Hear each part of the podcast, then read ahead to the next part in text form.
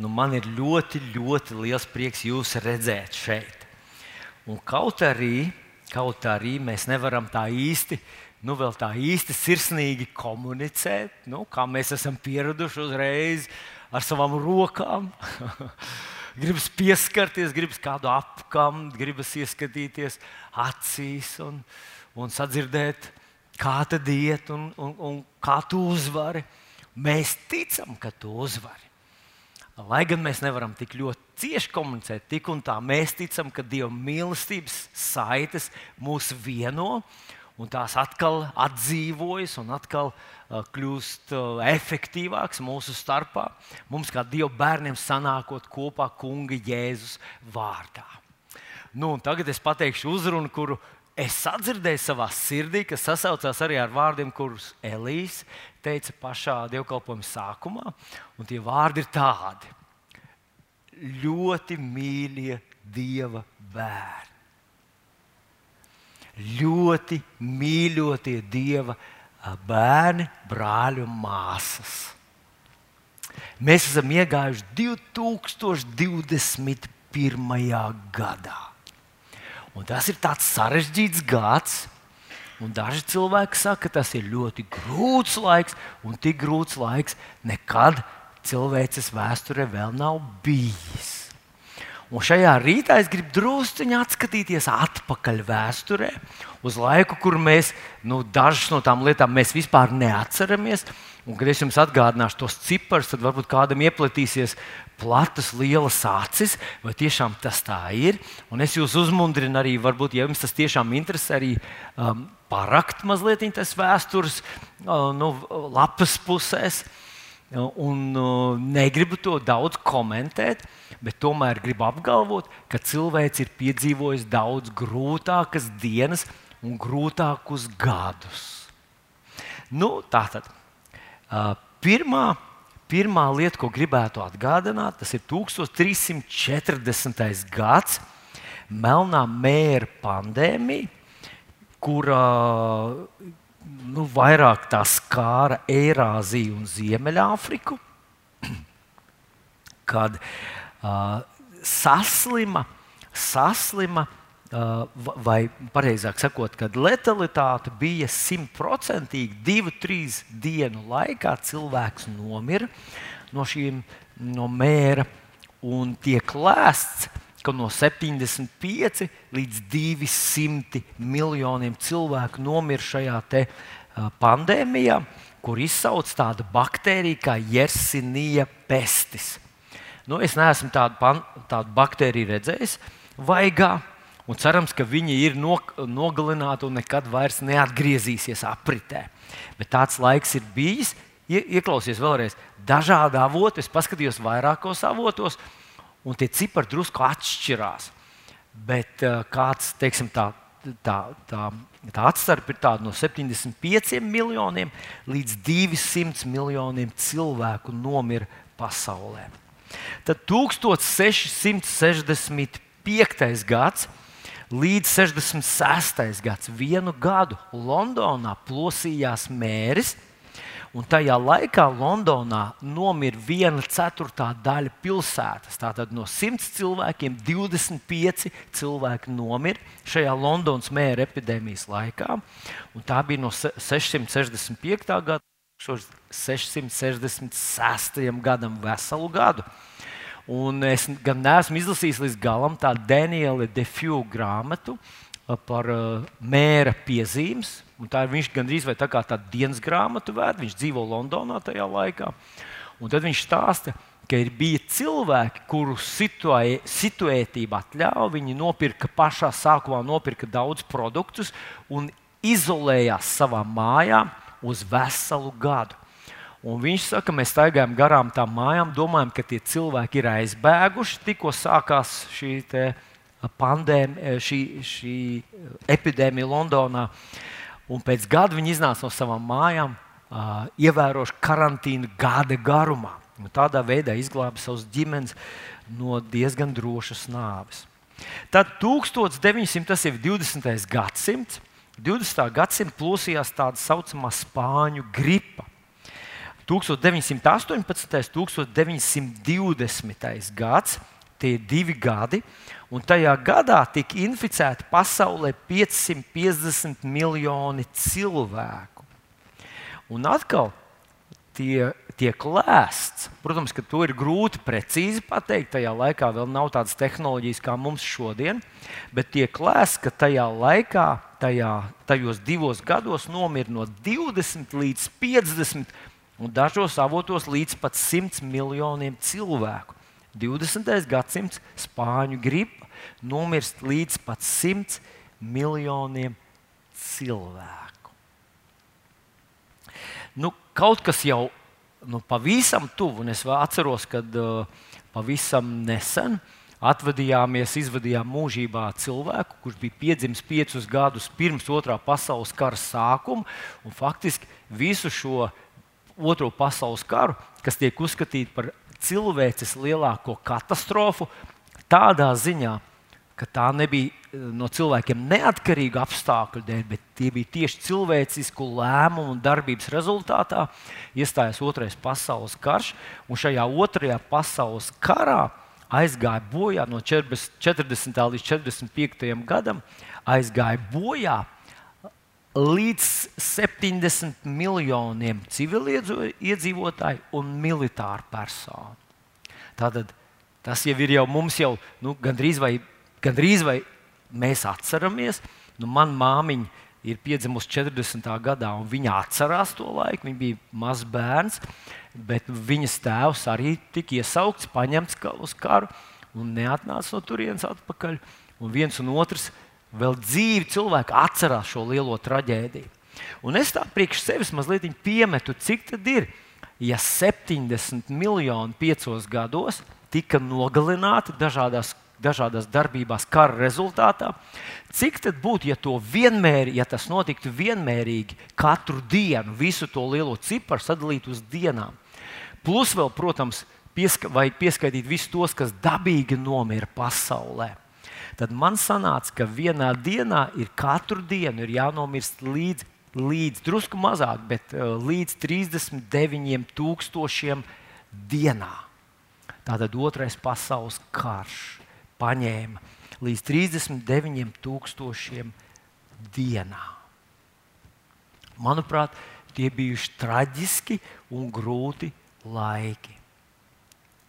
Otrais pasaules karš tātad. Bet, mīļie draugi, uh, ir, vēl, ir vēl arī citi cipari, un ne mazāk lieli un šausminoši. Un tie ir, tie ir cipari, Eh, cilvēkiem, kas ir nogalināti dažādos laika periodos un dažādu režīmu upuri. Un tiek lēsts, ka Krievijas bolševiku revolūcijas sekas, tās revolūcijas iespējā tika brutāli nogalināti 40 miljoni dažādu tautību cilvēku. Un, kā mēs zinām, desmit tūkstoši no to cilvēku ir arī Latvijas iedzīvotāji, kas tika nogalināti, sagūstīti, izsūtīti un nomira dažādos grūtos apstākļos. Un tāpat tas notika man šķiet. Visvairāk krievu tautības cilvēki cieta šīs revolūcijas uh, sekas, bet cieta visas bijušās PSRS tautu uh, republiku gaišākie, uh, stiprākie, talantīgākie cilvēki aizgāja bojā šī, te, kā mēs zinām, prol proletariāta diktatūras rezultātā. Ķīnas komunistiskais režīms ir iznīcinājis tuvu 60 miljoniem 60 miljoniem. Ja otrais pasaules karš ir 70 miljonus un tiek uzskatīts, ka tā ir pasaules lielākā katastrofa, cilvēks lielākā katastrofa, Ķīnas režīms tiek lēsts, ka visā savā pastāvēšanas laikā ir iznīcinājis 60 miljonus savu pašu uh, iedzīvotāju, savu pašu cilvēku. Nacistu īstenotajā holokaustā nogalināt līdz pat 6 miljoniem ebreju tautības cilvēku. Tur arī kāds uh, kāda daļa ir čigānu un vēl dažas tautības, uh, kas ietver, ir iekļauts šajos 6 miljonos. Bet, manuprāt, tie ir arī iekļauti tajos 70 miljonos, ko otrais pasaules karš paņēma. Tad vēl mēs varam kaut kādas lietas, kuras jau ir mūsu atmiņā. Viena no tām ir Armēnijas tautas genocīds, kur īstenoja turku savā laikā, turku iekarotāji. Un tad tika nogalināts uh, viens miljons cilvēku, bet desmit tūkstoši sieviešu un bērnu tika vardarbīgi asimilēti turku, uh, turku tajā, nu, sabiedrībā, musulmaņu sabiedrībā. Un, un viņi nevarēja izdzīvot savu bērnību un savu dzīvi. Viņi tika kā gūstekņi asimilēti šajā lielajā tautā. Tad viens miljons Armēnijas, armēņu tautas. Kambodžā, un es vēl atceros uh, savu bērnību, kad televizorā rādīja visus tos dramatiskās ainas, uh, vardarbīgs militārus režīms, kas iznīcināja Kambodžas iedzīvotājus vienu miljonu skaitā. Un Ronas notikumi, kas mums jau ir, nu, domāju, ka lielākā daļa no jums tos atcerās, arī viens miljons cilvēku. Viens miljons cilvēku konkrētās lokālās vietās, nelielu tautu likteņos, tādas sitienu, genocīds, uh, kas, ko, ko cilvēki ir piedzīvojuši. Ar to es gribu teikt, ka tas laiks, kurā mēs ar tevi dzīvojam, viņš ir grūts, bet cilvēce un cilvēki un tautas ir izgājuši vēl grūtākiem laikiem cauri. Nu, pavisam tādu nelielu, nelielu varbūt salīdzinājumam Latvijā. Latvijā 2020. gadā, 2020. gadā ir nomiruši 28,956 divus gadus agrāk, kad vēl mēs neko nezinājām, 18. gadā, kad mēs vēl neko nezinājām par Covid-19, par visiem tiem dramatiskiem ārkārtas notikumiem, nomira tikai par 150 cilvēkiem mazāk. Tā tad tā dabīgā mirstība, plus vēl slimības, kā mēs zinām, pašnāvības, noslīkušie uz autoceļiem, mirušie gada laikā, 18. gadā drusku mazāk par 150 cilvēkiem mazāk nekā 28,956.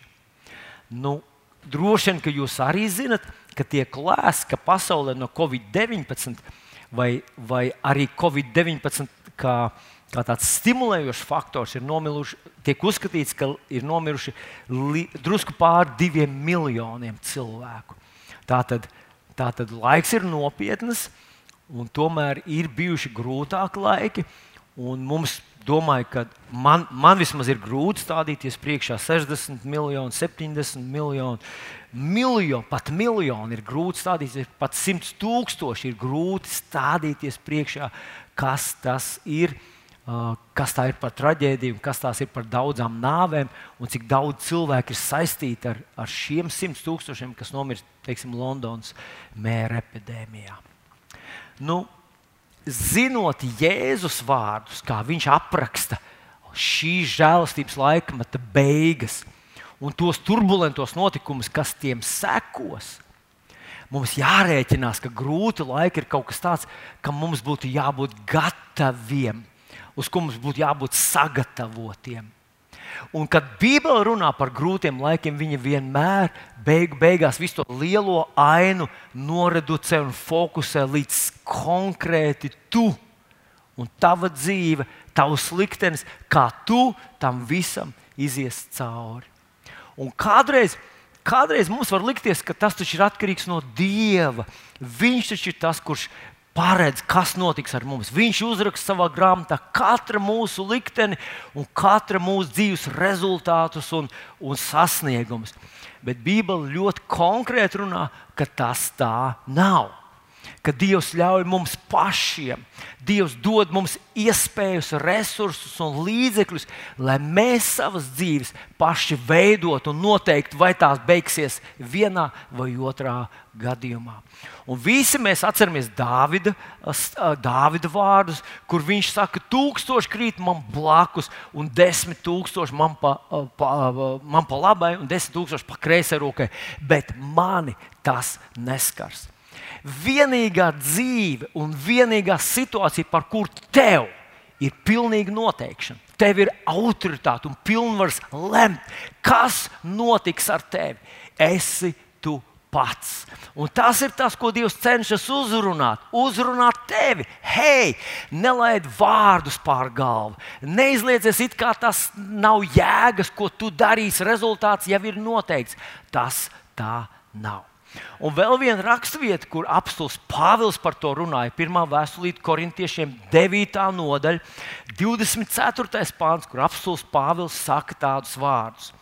Vai nezināt, ka skrējēji stadionā gan visi skrien, bet tikai viens dabū godalgu? Skrieniet tā, ka jūs to dabūjat. Tātad Bībeles koncepcija nav tāda, ka tu esi maza, nevarīga bizbizmārīta. Un vienīgais, ko tu no savas puses, vai labākais, ko tu no savas puses vari darīt, ir tādā žēlīgā balsiņā lūgt, lūdzu, pacel mani un nes, un nes, un nepazaudē mani, un aiznes līdz galam, un ienes man debesu valstībā. Ah, tādas lūkšanas es esmu dzirdējis savā bērnībā daudz. Izdari no manis, ko tu gribi, izdari no manis, kā tu gribi, dari, ko tu vēlies. Tikai lūdzu. Visu atbildību par savu dzīvi mēs pārliekam uz viņu un sakam, tu taču esi Dievs, un es esmu maza bizmārīte. Uzliec mani uz savu svārku atloka, un es turēšos pie tā, vai pareizāk sakot, turi mani, lai nenokrītu. Jo es taču neko nevaru. Un mums visiem nāk prātā, tie, un es domāju, ka vēlams ik pa laikam kādam atgādina, ka tu taču nekā nespēji bez Jēzus.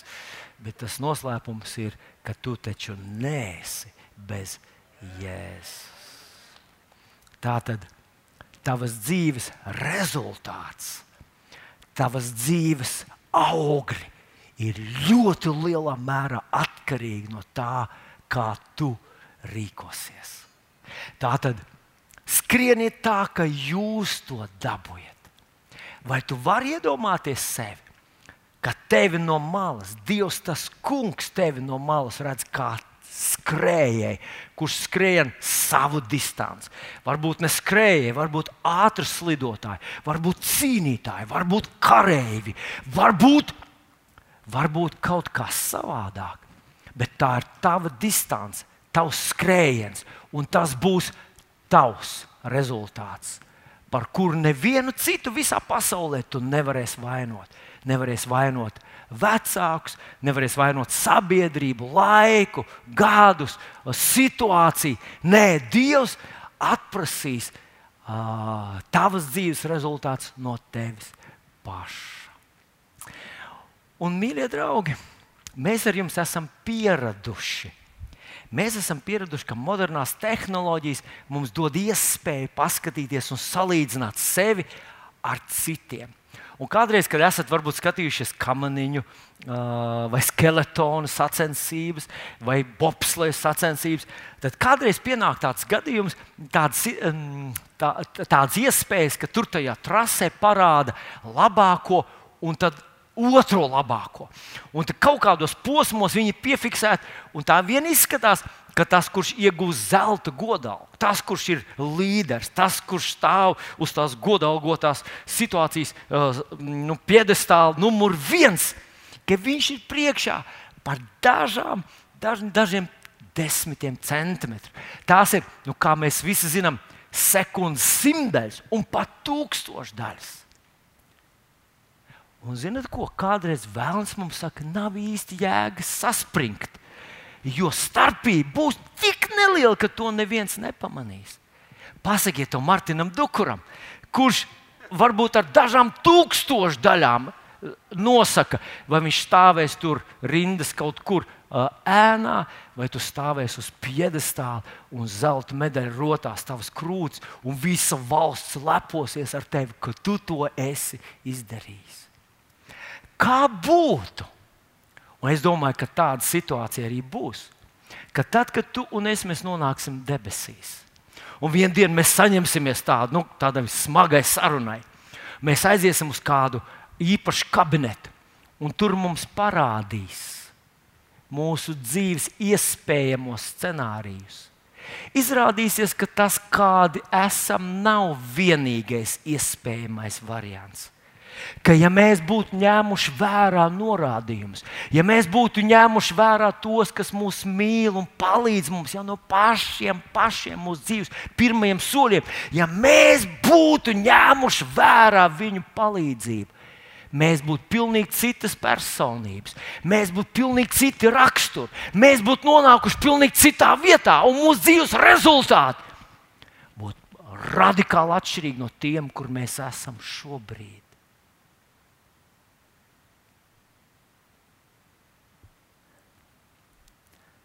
Tātad tas, kāds tu esi un kur tu esi, nav tāpēc, ka tu izdarīji labāko, ko varēji. Domāju, ka neviens no mums šeit nav izdarījis labāko, ko varēja. Mēs būtu varējuši radikāli uzlabot savas dzīves, dažādās savas dzīves jomās. Atliek mums vienkārši kādu neinteresu, parastu neinteresētu parastu vērotāju, atļaut viņam mums būt klāt dažādās mūsu dzīves situācijās, kur viņš tev aizrādītu uz rūpjām, tavām un manām kļūdām.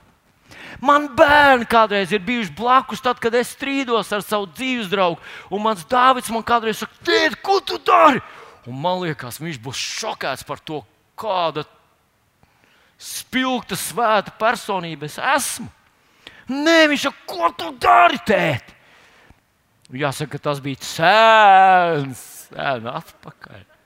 Bet pat bērns redz savu vecāku kļūdas. Un mēs gribam sev iestāstīt, ka mēs esam darījuši labāko, ko vien varējām, un citādi rīkoties nebija iespējams. Kādā situācijā Jēzus stāv pie Jeruzalemes un raud par to un saka, ka Kā es gribēju sapulcināt, cik reizes es gribēju sapulcināt jūs visus, kā visas savas cālīšas zem saviem spārniem, bet kas tad man to neļāva izdarīt? Kas ir tas, kas ierobežo Dievu tavā un manā dzīvē? Tas nav vēlns. Tie esam mēs ar tevi. Un, mīļais draugs, mēs esam iesākuši šo skrējienu šajā 21. gadā mums ir kāda distance, kas mums ir jānoskrien. Un es ticu, ka ja mēs ar tevi ņemsim vērā tos vārdus, kurus Dievs mums uzrunā, un šī ir tā vieta, kur Dievs uzrunā. Jūs zināt, Viņš teica, ka viņš iecēls apstuļus, praviešus un mācītājus, lai viņš varētu palīdzēt saviem. Es ticu, ka ne jau tāpēc es esmu mācītājs, ka esmu gudrāks par jums visiem. Iespējams, ka ir situācijas, kurās esmu daudz dumjāks par tevi. Bet tas ir Dieva svaidījums, kurš manā nespējā iedod to Dieva spēku. Un viņa izredzētība ir tā, kas ļauj man uzrunāt tevi. Tāpēc tas, kas grib atšķirt no draudzes, kādu iemeslu dēļ arī viņš neminēja, ir vēlnu nodoms. Tu taču esi pats gana gudrs. Iespējams, ka tu esi gudrāks par mani, un tomēr tev ir jābūt šeit, lai ļautu, lai Dievs tevi, mīļais brāl un māsa, mīļais brāl un māsa, uzrunā. Un gribu teikt, ka pat ja tu esi atgriezies 21. gada 1. janvārī, un es pievienojos tādai dzīvei un stiprai draudzē, kāda ir priekvēsts, tu nesāc no nulles. Jo Dievs jau uz mums, uz tevi un manīm, jau ir kaut ko nopietnu runājis, un tas ir tas, ko es gribu tev atgādināt. Tātad, pirmais, ko gribu atgādināt, ir, rakst, ir, ir uh, dievkalpojums, kur mums runāja Līga. Un viņi runāja par Eliju.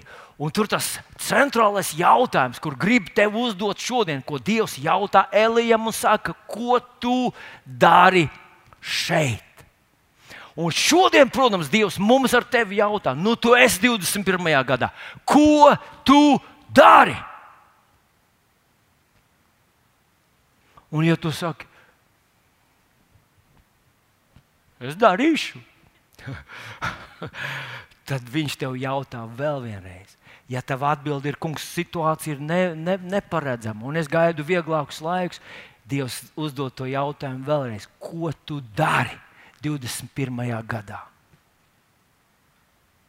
Jo Viņš grib, lai tu lieto savu ticību, lai tu lieto tos Dieva dotos resursus, kurus Viņš tev ir devis. Otrais bija uh, dievkalpojums, kurā es runāju par Jozoā. Un atcerieties, Dievs Jozovā saka, Jozovā, es būšu ar tevi tāpat kā es biju ar mūzu. Un tomēr viņš viņam saka, es esmu stiprs un drošs. Es esmu stiprs un drošs. Dievs neteica, Jozovs, spirinies, kāpjas kā gribi, tu beigās būsi absolūtā zemē. Nē, viņš teica, lai mēs būtu tur, lai es varētu to savus apsolījumus piepildīt. Tev jābūt stipram un drošam. Un tad viņš saka, nepazaudē manus vārdus, pārdomā tos savā sirdī, un lai tava mute nepametos bet runātos, nu, kā viņš tur saka, pārdomātos dienu un nakti, lai tā muti nepamet mans vārds. Es esmu stiprs un drošs, Jozo. Tad viņš teica, nākošais dievkalpojums, kurā es ik pa laikam atgriežos. Un man liekas, ka tur tik fantastiskas raksturvietas Dievs mums uz, uz, uh, ieteica. Un, un viena no tām ir Marka Evanģelijas 8. nodaļa. Ko tas cilvēkam līdz, ka viņš iemanto visu pasauli un pats sevi pazaudē, vai savu dvēseli pazaudē un samaitā? Un es ieraudzīju, ka tas nozīmē, ja tavs vārds jau ir viņa grāmatā, ja tavs vārds jau ir viņa grāmatā, tas nozīmē, ka lielu savas dzīves lielo daļu tu esi izpildījis. Tavs dzīves milzīgā, lielā loterija, tā jau ir, ir, ir tava. Tev nav par to jāstraucās. Nav tā, ka tu vari visu pazaudēt un, un, un visu iegūt. Nē, īstenībā tas, ar ko mēs riskējam, Es nerunāju, ja tu sāc šaubīties par to kungu, dzīvo no rokas, uh, nu, nu, nezinu, ko tu darīsi rīt, kā, kā zostēviņš, katru rītu pamosties, un nezinu, ko tu tagad darīsi. Tad tad, tad tas ir savādāk. Bet, ja tu zini, ka Jēzus ir tavs kungs, un tu esi tajā stabils, un tu viņam uzticies, tad tas, ar ko tu riskēji, ka šajā pasaulē tev var neizdoties, ir sīkas, nenozīmīgas lietas. Īsnībā risks ir tik neliels. Halo! Es ceru, ka jūs sapratāt, es nevaru tur, tur vēl apstāties. Un tad beigās Dārvids iesāk šos garīgās cīņas uh, tēmu uh, ar, ar brīvs no ļaunās apziņas. Mēs vairāk nevērtējam sevi un nevērtējam situāciju. Mēs esam ieguvuši Kristus apziņu, un mēs tajā dzīvojam. Tas ir tas, ko mēs tur uzturam dzīvi. Nepazaudējam to, jo tā ir mūsu stabilitātes, un drosmes un spēka pamats.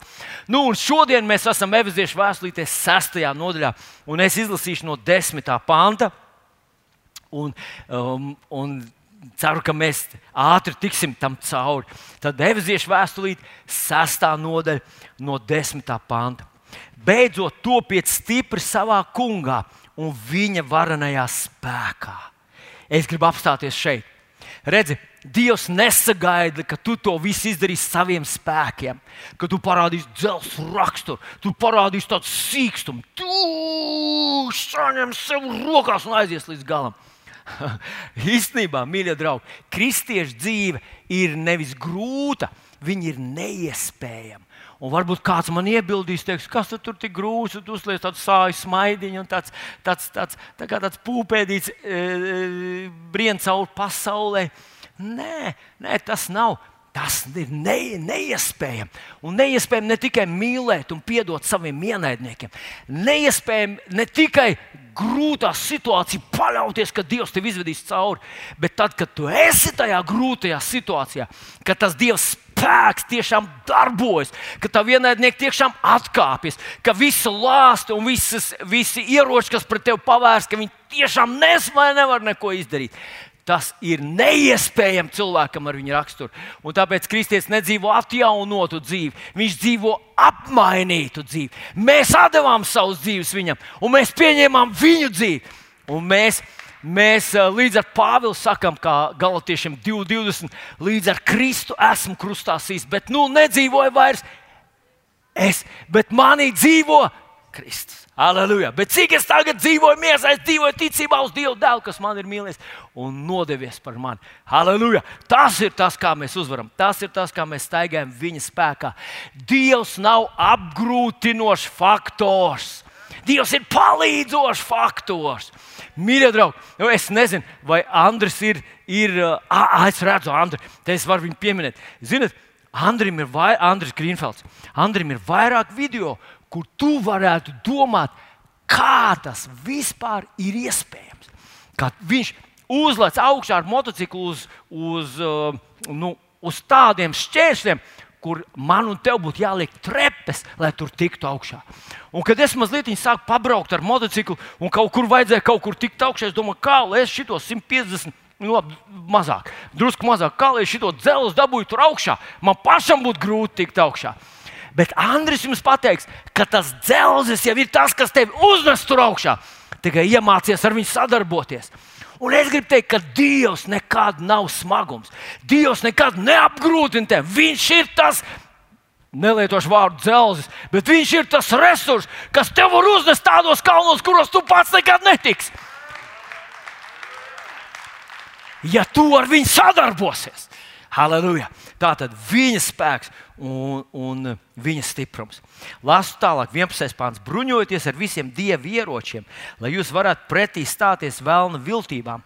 Jo ne pret miesu un asinīm mums jācīnās, bet pret valdībām un varām, tumsības pasaules valdniekiem un pret ļaunajiem gariem pasaules telpā.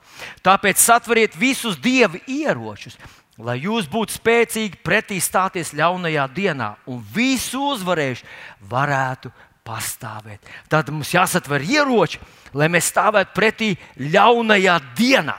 Ļaunajā dienā, lai tu uzvarētu. Ja tu vienkārši atgulsies un teiksi, kungs, dari to, ko tu vari darīt, viņš teiks, tad tavs zaudējums būs nevis manis dēļ, bet tevis dēļ. Jo tu nelieto ieroči, kurus es tev biju devis. Bet gribu vērst jūsu uzmanību vēl uz kādu ļoti svarīgu lietu. Reku mēs lasām tālāk, 14. pāns. Tā tad stāviet savus gurnus apjozuši ar patiesību un tērpušies taisnības bruņās. Manuprāt, tas ir tā ir tēma, kur aizsāka iepriekšējā svētdienā Dāvids, kad viņš runāja par brīvi no ļaunās apziņas. Jo ievērojiet, no visām kārdināšanām, ar kurām vēlams nāca pie Jēzus, mums, kuras ir uzrakstīts mums, lielākā daļa viņš iesāk ar tādiem vārdiem: Ja tu esi Dieva dēls, tad, tad viņš saka, saka šim akmenim, tad lec no tā, no, no tā torņa lejā. Redzi, tas nozīmē, ka visbūtiskāk ir, lai tu pastāvētu un izturētu grūtā vietā, zināt, kas tu esi. Un tas ir tas, par ko viņš runāja iepriekšējā svētdienā, ka tā ir apziņa, ka nevis tu ar saviem darbiem un ar saviem nopelniem, bet tu, tava paļāvība uz to, ko Kristus priekš tevis ir izdarījis. Kristus apziņa, nevis tevis paša, tava ļauna apziņa. Ir ļoti svarīgi, vitāli svarīgi, lai tu izturētu pret ko? Pret vēlna ieročiem. Un viņa ieročiem, mīļais draugs, spēku dod viņa meli. Tas ir uzrakstīts 11. pantā. Paskaties, bruņojieties ar visu dievu ieročiem, lai jūs varētu pretī stāties vēlna viltībām. Tikko mēs noticam vēlna meliem, tā viņa ieroči kļūst stipri. Tikko mēs noticam, ka ļauniem gariem ir lielāks spēks kā dieva garam, viņi iegūst spēku. Tikko mēs noticam, ka mūsu lūkšanas, mūsu ticības vārdi, mūsu, pat, mūsu ticība pat par sevi. Jau ir tikai tāda reliģiska poza un nekas vairāk. Viņš iegūst spēku.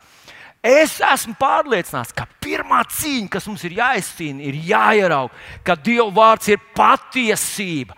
Tā nav teoloģija, tas nav vienkārši kaut kāda raksti no seniem laikiem. Tas nav vienkārši mācītājiem uh, priekšmets, par ko sludināt. Tā ir patiesība. Un, ja tu esi pieņemts Kristu par savu kungu, tā ir patiesība tavā dzīvē. Aleluja! Un tālāk ir mūsu panti. Un tie ir uh, 14. pāns. Tā tad stāviet savus gurnus, piedodiet, piespējas ir mūsējs. Kājas apāvuši ar apņemšanos kalpot miera evaņģēliem, bez vis tā satveriet ticības vairogu, ar ko jūs varēsiet dzēst visas ļaunā ugunīgās bultas. Ņemiet arī pestīšanas bruņu cepuri un gara zobenu, tas ir Dieva vārds. Pestīšanas bruņu cepuru un garu zobenu atstāsim nākamajai reizei, jo šodien mēs pieskarsimies diviem ieročiem, kas ir paši, paši biežāk lietojamie. Un e, droši vien, ka jūs to ievērojat, ka Pāvils nerunā par tādu, tādu uh, nevainīgu un nevarīgu vīru, kurš staigā ar tādu bībelīti, ar tādu sāļu smaidu un skatās uz debesīm un saka, tur gan būs labi. Tur būs labi, bet nu, līdz turienei jāpaciešās. Viņš runā kā par kareivi, viņš runā par romiešu leģionāru, kur Romas armija tajā laikā 500 gadu 500 gadu bija dominējošais spēks. Un eksperti, kas ir pētījuši, saka, ka Romiešu armijai bija vairāk ļoti efektīvas lietas. Un pirmā no tām bija, ka romieši pārvietojas, romiešu leģioni spēja ļoti īsā laikā nonākt vajadzīgajā vietā, un tāpēc viņi ļoti bieži bija ļoti. Uh, spējīgi manevrēt un spēja sagādāt nepatikšanas pretiniekiem, kamēr tie vēl formējās. Romieši jau bija klāt un varēja viņiem uzbrukt. Un, eh, tātad viņi pārvietojās. Mēs runāsim par to, kas romiešu leģionāram bija kājās.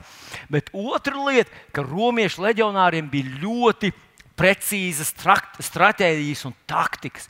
Un viena no tām bija tas, kā viņi lietoja savus vairogus.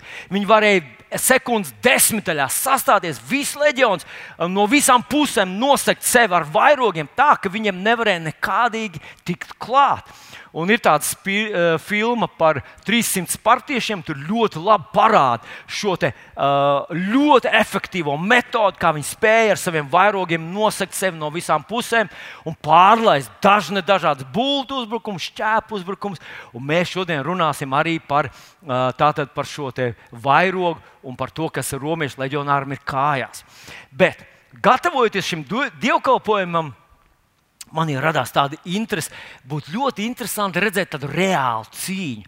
Kā tad cīnās tā laika bruņinieki ar visu autentisko bruņojumu, ar visu to ķiveru galvā, to bruņu cepuru, un, un, un, un vairogu un zobenu. Un izrādās tādas bruņinieku cīņas tiek rīkotas. Viņas vēl aizvien tiek rīkotas, un tikai kaut kādās senās pilīs, kaut kādos noteiktos periodos sabrauc kopā cilvēki, kur tieši ar to nodarbojas, ka izgatavo šos autentiskos ieročus, autentiskos tos, tos bruņojumus, un tad viņi tādā arēnā vai tādā ringā, kā mēs esam pieraduši jaukt to cīņas mākslu, nu, cīnītājs, kad viņi tur cīnās savā starpā, izmantojot visus atļautos paņēmienus, tāpat cīnās šie bruņinieki. Un es noskatījos kāds pāris no tām cīņām, un viena no cīņām man palika ļoti spilgtā atmiņā. Tad viss ir tieši tā, kā toreiz bija, izņemot zobens. Zobens ir tā tāds metāls, bet tas drīzāk tā tāds lineāls, jā, ko viņi tur zvetē viens otru. Bet tam īsti tādas, nu, tādas nāvējošas uh, brūces Jo tad neviens viens vienmēr paliktu tur. Nu, un katrs, kurš iet tur, droši vien grib arī atnākt mājās pēc tam. Tā tad viss tiek lietots autentiski, izņemot zobenu. Nu, lūk, un viena tāda cīņa skatos, un tas viens no tiem bru, bruņiniekiem, viņš tādā ar to zobenu sit, bet tas nav nekas efektīvs. Tas otrs ar viņam sit, bet viņš ļoti efektīvi lieto kājas un vairogu. Un viņš spēj iespērt tam pretiniekam par viņa vairogu, par viņa krūšu bruņām. Un ar to vairogu viņš ļoti efektīvi sit. Un kad kaut kā tas, tas pretinieks paklūp, viņš viņu ar to vairogu gandrīz atslēdz. Un es skatos, tas vairogs ir ļoti bīstams uh, ierocis. Pareizi, prasmīga cīnītāja rokās vairogs ir visbiežāk lietotais. Faktiski vairogs ir tas ļoti universāls rīks, un um, man gribētos apgalvot, ka kristieši to lieto ļoti maz. Nu, lūk, bet sāksim ar to, ka uh, ar romiešu leģionāru zandalēm. Kādas viņas bija? Nu, apmēram tā mākslinieks ir mēģinājis uz, izgatavot viņus. Tās bija tādas ādas zandas, kuras ar tādām siksniņām, tā kā kādreiz mēs redzam, vasarā, nu jau tā laikam nedara, bet bija tāds gadus atpakaļ, ka meitenes nesēja tādas zandas, un tad viņas pa kāju uz augšu atsietas uz augšu, nu, lai viņas nepazūd. Bet kas bija ļoti interesanti, ka tām zandalēm apakšā bija tādi tā kā, tā kā mūsdienu futbolista bučiem ir tāda, man pēc pirmā dievkalpojuma pienāca māsa, kurš dēls ir futbolists. Viņi tie ir buči. Viņi saka, tie ir futbolisti buči. Ne bučas, bet buči.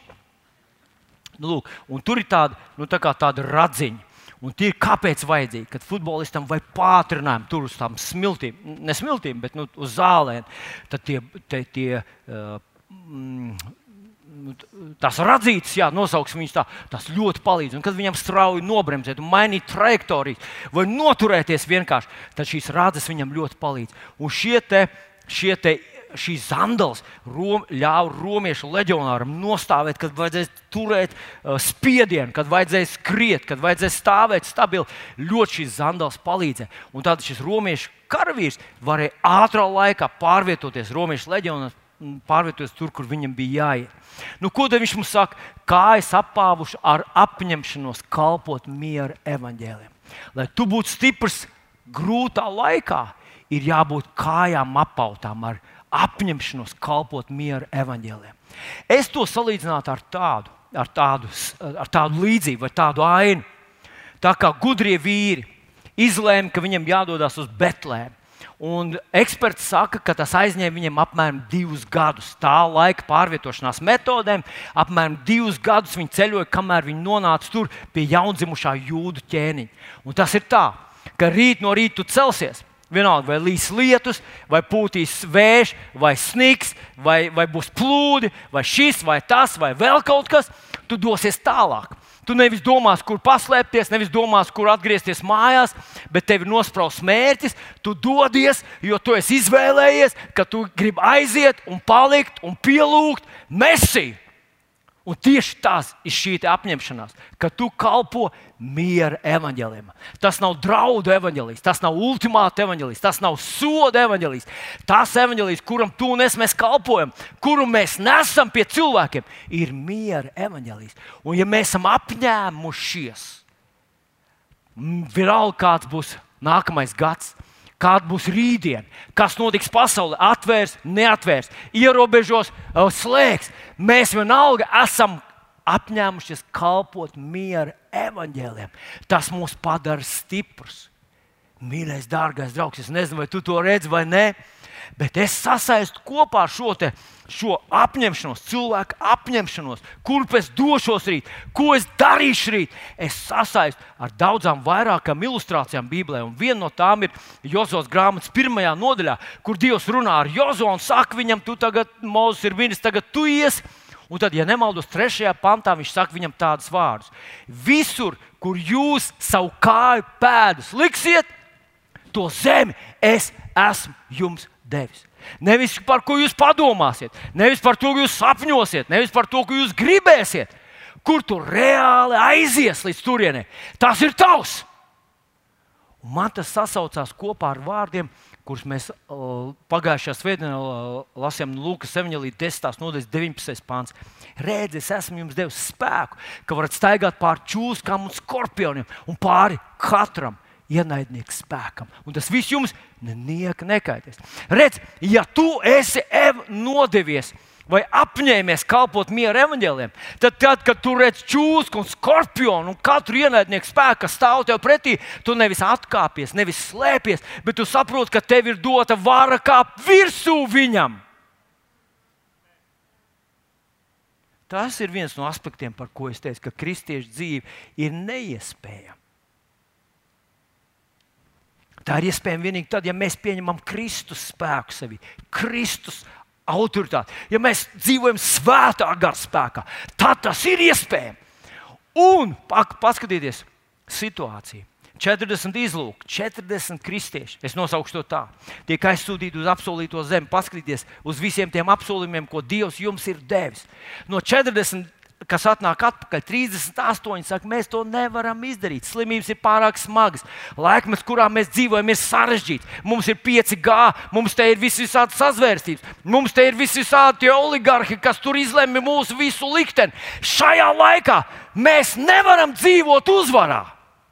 Un tikai divi. Jozo un Kalniņš saka, ko? Un tie vārdi man, viņi, man viņi tā rezonē manā dvēselē. Viņš saka tādus vārdus tie mūsu ienaidnieki, tās stiprās pilsētas, tā ar augstiem mūriem, tie garie, lielie milži būs priekš mums maizīt. Maizīt. Wow! Katru reizi, kad tu izvēlēsies uzticēties evaņģēlim un iet pret saviem ienaidniekiem, tas padara tevi stiprāku. Mīļais draugs! Dievs mums šī gada, iepriekšējā gada sākumā jau iedeva tādu, tādu ļoti pārskatāmu, konspektīvu tādu, nu, metodi, kā mums vērot savu pieaugumu. Un viņš iedeva mums trīs M - mīlestību, māceklību misiju. Tas nozīmē, ka šodien tu mīli vairāk kā vakar. Mīli savus tuviniekus, savus līdzcilvēkus. Tu mīli viņus vairāk kā vakar. Un, un ja tevī nav tā sajūta, nesatraucies. Sajūta seko lēmumam, ja tu saproti, ka Dievs ir izlaists savu mīlestību tavā sirdī. Viņš to ir izlaists. Tu mīli Dievu un mīli savu līdzcilvēku. Otrs, tā ir māceklība. Tu taču gribi šodien mācīties no Jēzus vairāk nekā vakar, vai ne? Jo tu taču uzņemies atbildību par savu dzīvi. Tu taču gribi, lai tavs dzīves rezultāts būtu nevis tāds, ka goda vainags aiziet tev gar pašu degunu, bet tu gribi, lai tu vari skriet tā, ka tu dabūtu to godalgu. Un tad tev jāmācās no Kristus. Kā viņš Jozovam teica, sargā savā sirdī manus vārdus, lai tev mūtu nepamet viņus. Tad tev viss izdosies. Viss izdosies. Tas pielietojams katrai darbības sfērai, kas tu arī nebūtu. Hei, māceklība. Un trešais ir misija. Vai nav brīnišķīgi, ka tu esi šajā pasaulē ar misiju? Nevis lai tu izdzīvotu, lai tev tu, tu daudz maz viss būtu sakarīgi, bet ar misiju. Tu esi sūtīts pie cilvēkiem. Kādam tu vari būt? Atbildi. Kādam tu vari būt tas, kur viņš viņam pieskarās ar mīlestību un mieru? Kādam tu piedos to, ko viņš domāja, ka to piedot nevar? Tu būsi Dieva pierādījums kādam cilvēkam. Un es jums uzdrošinos apgalvot, ka šodien tur ārā cilvēki ir tik vientuļi, tik apdraudēti un tik izbijušies, ka cilvēki, eksperti pat starptautiskā mērogā runā par pasaules tautu psiholoģiskām problēmām Covid-19 sakarā. Šodien vajag mīlestību, vajag tos misionārus, kas nevis tur viņus biedē ar sazvērstībām, bet saka, zini ko, es zinu vienu, kurš zina visas sazvērstības no paša sākuma jau līdz pašam galam, un kurš tev izvedīs tam cauri. Uf, tu esi vajadzīgs šai pasaulē. Un man jānobeidz ar, ar pēdējo ieroci, kurš ir man, man ļoti patīk. Bez visa tā apelsīns Pāvils saka, satveriet ticības vairogu, ar ko jūs varēsiet dzēst visas ļaunā ugunīgās bultas. Ievēro, viņš runā par bultām, kas, ied, uh, kas uh, iedurās vai trāpa tev, un ne tikai nodara sāpes un bojājumu, bet viņš runā par to, ka viņas aizdedzina. Viņas iesāk kaut kādu destruktīvu procesu tavā ķermenī, tavā dvēselē, un kas, kas protams, ir mērķēts tāpēc, lai novestu līdz nāvei. Un, mīļie draugi, es, protams, nevaru ap, apgalvot, kā tas ir tavā dzīvē, bet es jau ar Kristu staigāju daudz, daudz gadu. Un manā izpratnē bija laiks, kad manā dzīvē tas vairogs, tas ticības vairogs bija tāds, tāds un drīzāk tāds dekoratīvs lieta. Tur varbūt ģērbons virsū, tur varbūt viņš tāds smuks un nopulēts, bet es viņu nelietoju tik daudz. Bet, manuprāt, Tas ir ierocis, kur jālieto ļoti aktīvi un faktiski katru dienu. Es esmu sācis jau, jau pāris gadus, es esmu sācis viņu lietot daudz aktīvāk nekā agrāk. Mākslinieks ir mēģinājis parādīt tajā bildītē, es nezinu, vai jūs to saskatāt, ka tā būtne ir iedūrusies tajā vairogā un izdūrusies viņam cauri. Citiem vārdiem tas bija, tas bija nāvējošs būtnes trieciens. Ja tas būtu trāpījis pašam karavīram, viņš nebūtu vairs piecēlēs uz, uz savām kājām. Bet viņš lietoja vairogu. Un paklausieties, kāds divs divus tādus piemērus šai garīgai cīņai es esmu identificējis un kā es tos lietoju. Tas pirmais ir vārdi. Redziet, Romiešiem 10, 17 rakstīts, ka ticība nāk no sludināšanas, sludināšana no Dieva vārda.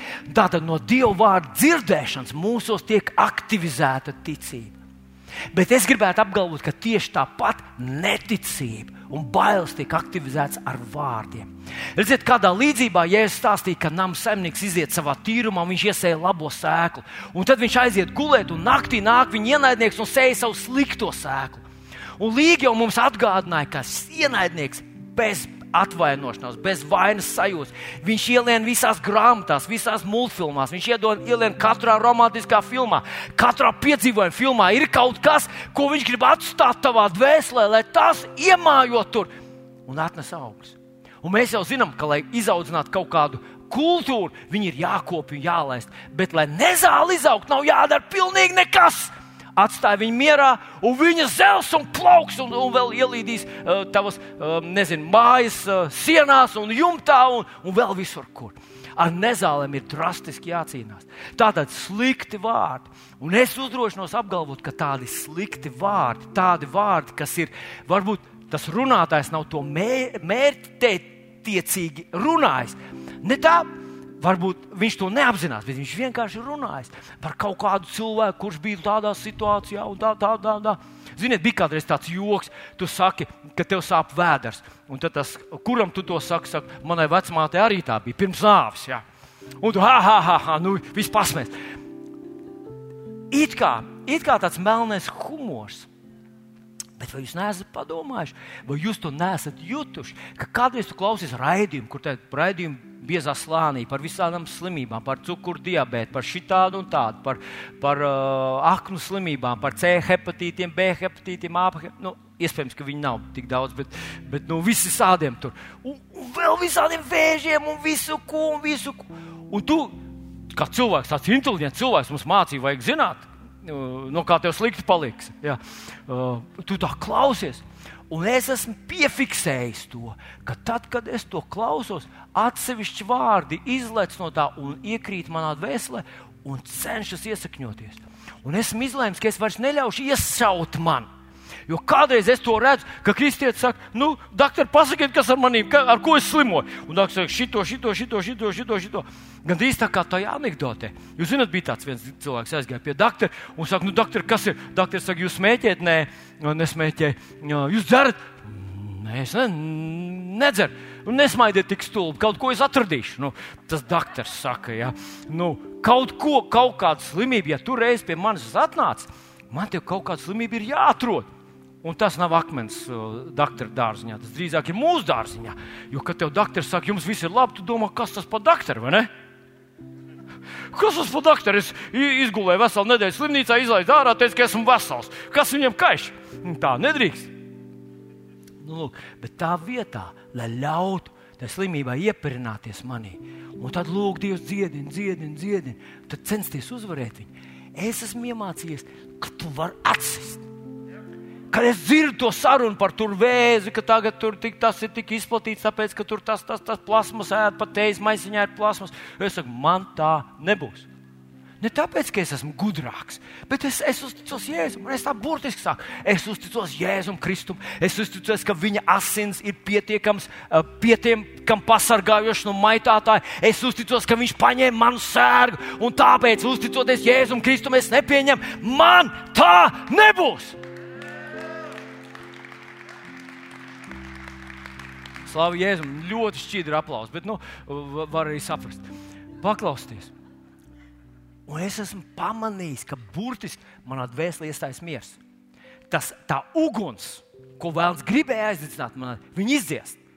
Un es to daru, ziniet, dienā es to daru 3, 4, 5 reizes. Es vienkārši neklausos visus tos raidījumus, kur stāsta par visām tām briesmīgām slimībām, visu to, kas var notikt. No tā, ka tu nedzer aspirīnu, no tā, ka tu dzer viņu par daudz. Jā, nu, Vienmēr sakot, šā vai tā, vienalga, tu riskē ar visu, ko.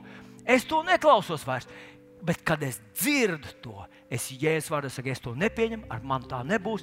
Tāpēc, ka es esmu uzticējis Kristum Jēzum, es atsitu šos ļaunos vārdus, kas ir sūtīti, lai aktivizētu manā dvēselē neticību. Jēzus vārdā un mīļa draugi, manā dzīvēm un mans ģimenes dzīve tas darbojas. Mēs vairs nelaižam iekšā žurkas savā mājā un nesakām, nu labi, mēģināsim viņus izķert. Mēs viņus uzreiz jau atšujam prom, lietojot šo efektīvo, šo ļoti stipro, šo ļoti dieva doto ticības vairogu. Bet tā nav formula, tie nav buramvārdi. Tie ir vārdi, kas dzīvo tavā sirdī. To ar sirdi tic, un tad to ar mutu pasakot, un tad tas strādā. Bet Tas nav vienīgais. Redz, ka tu lasi iesaistīju 47. nodaļu, tad 17. iesaistīju 54. nodaļu, tad 17. pāns ir uzrakstīts tādu vārdu. Nevienam ierocim, kas vērsts pret tevi, neizdosies tevi pieveikt. Un ik viena mēlī, kas uzstāsies tiesā pret tevi, tu noraidīsi, ka netaisnu liecību. Viņš te runā par ieročiem. Viņš nerunā par vārdiem, par sēklām, viņš runā par ieročiem. Un tie ieroči, manā izpratnē, ir konkrēti, nu, konkrēti uzbrukumi ķermenim, kad tu sajūti, sajūti temperatūru, sajūti galvas sāpes, sajūti šeit, sajūti sāpes tur, sajūti kaut kas tur, kaut kas notiek ar tavu ķermeni. Reāli, objektīvi. Un tagad tu atkal esi izvēles priekšā. Vai to pieņemt, nodefinēt, kas tas ir? Man tā tad ir tas un tas un tagad es mēģinu ar to sadzīvot, mēģinu kaut kā no tā tikt vaļā. Vai tu vari lietot šo efektīvo dieva doto eh, ieroci, kurš saucās ticības vairogs? Mīļie draugi, manā dzīvē tas vairāk kārt ir nostrādājis. Nostrādājis burtiski tā, ka tu pēc tam pasaki, tas bija efektīvi. Tas bija stiprs sitiens. Tā es jūtu to rezonanci savā vairogā, bet tas aizgāja garām kad tev saceļās temperatūra un tu cīnies. Dažreiz tu cīnies dienu, dažreiz divas. Jēzus vārdu nesāt, es to nepieņemu. Es esmu Kristu Jēzu, es esmu jauns radījums. Viņš to izdarīja, viņš to paņēma. Es palikšu pie viņa, es nelaušu tev ienākt iekšā. Un pēc divām dienām tas aiziet. Sāpes šeit, sāpes tur, sāpes kaut kur vēl. Kad laiciņā atpakaļ, kādu labu laiciņu atpakaļ, man pēkšņi rokā nebija vairs spēka. Un es nevaru, zini, man, man ir diezgan stiprs tas uh, rokas spiediens, jo es, nu, lai nenokristu no motocikla, mēģinu pa, paspaidīt kaut ko. Un, un kādreiz uh, citi stiprāk, garāk un maktīgāk puiši saka, viņiem viņi nevar noturēt, kad, kad rokas piedzina. Man tas nebija. Bet vienā dienā pēkšņi es pamodos, un es nevaru sasveicināties. Es ar, ar Gutmans Jānis, es nezinu, uh, reku viņš ir tur augšā sēž Gutmans. Es vispār centos izvairīties, jo, ja viņš ar jums sasveicināsies, jums ir koka roka, tad jūs izdzīvosiet, bet jums ir parasta miesas roka un vēl nespēcīga, viņš to salauzīs. Un man bija iepriekš jābrīdina, Jāni, Jāni, lūdzu, tā maigi. Kaut kas bija noticis ar manu roku. Un es tev skaidroju, ka tas no kondicionieris tev pūš uz rokas. Bet pēc kāda laika es sapratu, nē, tur ir kaut kas vairāk. Un vēlams man paskaidroja, kas tas ir reumatisms atgriezās. Un es teicu, nu, paklau. Nē, nē, nē, nē, nē, nē, nē. šī adresē vairs nekad. Un es izvilku savu vairogu, es viņu nesēju visu laiku šitā. Tu man pateiksi kaut ko indīgu, neņem ļaunā. Es teikšu, ar mani tas nenotiks. Jēzus vārdā. Un es atsitu to. Pagāja pāris dienas, un tas aizgāja. Man atkal tu gribi saspiesties ar Jānu, vairs nebaidos veicināties. Teikt, viņš baidās no manis. Jūs esat atķers! Un es ir atgriezies atpakaļ. Redzi, Dievs mums ir devis ieročus, stiprus ieročus. Viņš mūs uzrunā, viņš mūs Ziniet, ir, ir viena tāda tēze, es nobeidzu, mēs to beidzam. Es, es zinu, ka, ka laiks ir daudz. Bet viena tāda tēze ir tāda, ka Dievs nesoda pirms nav brīdinājis. Mēs zinām, ka šī žēlastības laikā Dievs nesoda vispār. Bet es gribētu teikt, ka pirms atnāk tavā dzīvē grūts brīdis, Dievs sūta brīdinājumu vārdus. Bet mēs dažreiz esam tik kurli un aizņemti, ka mēs negribam to dzirdēt. Ka mēs domājam, es skrienu. Uz kurien tu skrieni? Jūs atceraties, tas puisis bija tas norvēģis puisis, kurš strādāja morgā. Viņš visi, kur ievada, viņiem visiem tāds izbrīnīts sejas izteiksme. Kur es atskrēju? Kas ir tas, uz kurien es skrēju? Dažreiz tu esi dievkalpojumā, vēl nav beidzies. Jo tur redzi, cilvēki lec kājās un skrien. Es domāju, nu, nu, nu kur? kur? Nu, kur? Lidmašīna aiziet, jā. Brieži nostāvējuši, šis mīņājās. Nu, kur? Kur tik briesmīgi? Lūkšana ir tik īsa. Filma vakar ir tik gara. Kaut kāda stulba vervelēšana ir šitāda. Apliecināšanas vārdiņi ir tik īsi. Ticība ir pieaicina kādu ekspertu no malas, viņš pastaigā tev ēnu un saka, vai es esmu kristietis vai nē, esmu kristietis. pastaigā man līdzi, pasaka, vai, vai tu no tā, ko es runāju, un kā es uzvedos, vai tu teiksi, ka es esmu kristietis, ka man ir piedots, un es piedodu, un es nesu mieru, mīlestību un izlīdzināšanos, vai es sanaidoju un sakašķinu cilvēkus? Ko es daru? Dievs grib, lai šis gads beidzas uzvarā. Dievs grib, lai tu beidzot šo gadu dabūtu goda balvu. 2021. tavs uzvaras gads, tavs ticības cīņas gads. Šajā gadā tu nepadevies, šajā gadā nelīdz zem deķa. Šajā gadā tu vienkārši nesaritinājies kamoliņā un nepārliksi savu atbildību uz Dievu, bet tu biji stiprs un drošs, un tāpēc tu paņēmi apsolīto zemi. Mīļais brāl! Viņš uz mums runā. Atsauksimies viņam, lai viņš var mūs pasargāt zem saviem spārniem, tajos laikos, kas mums stāv priekšā.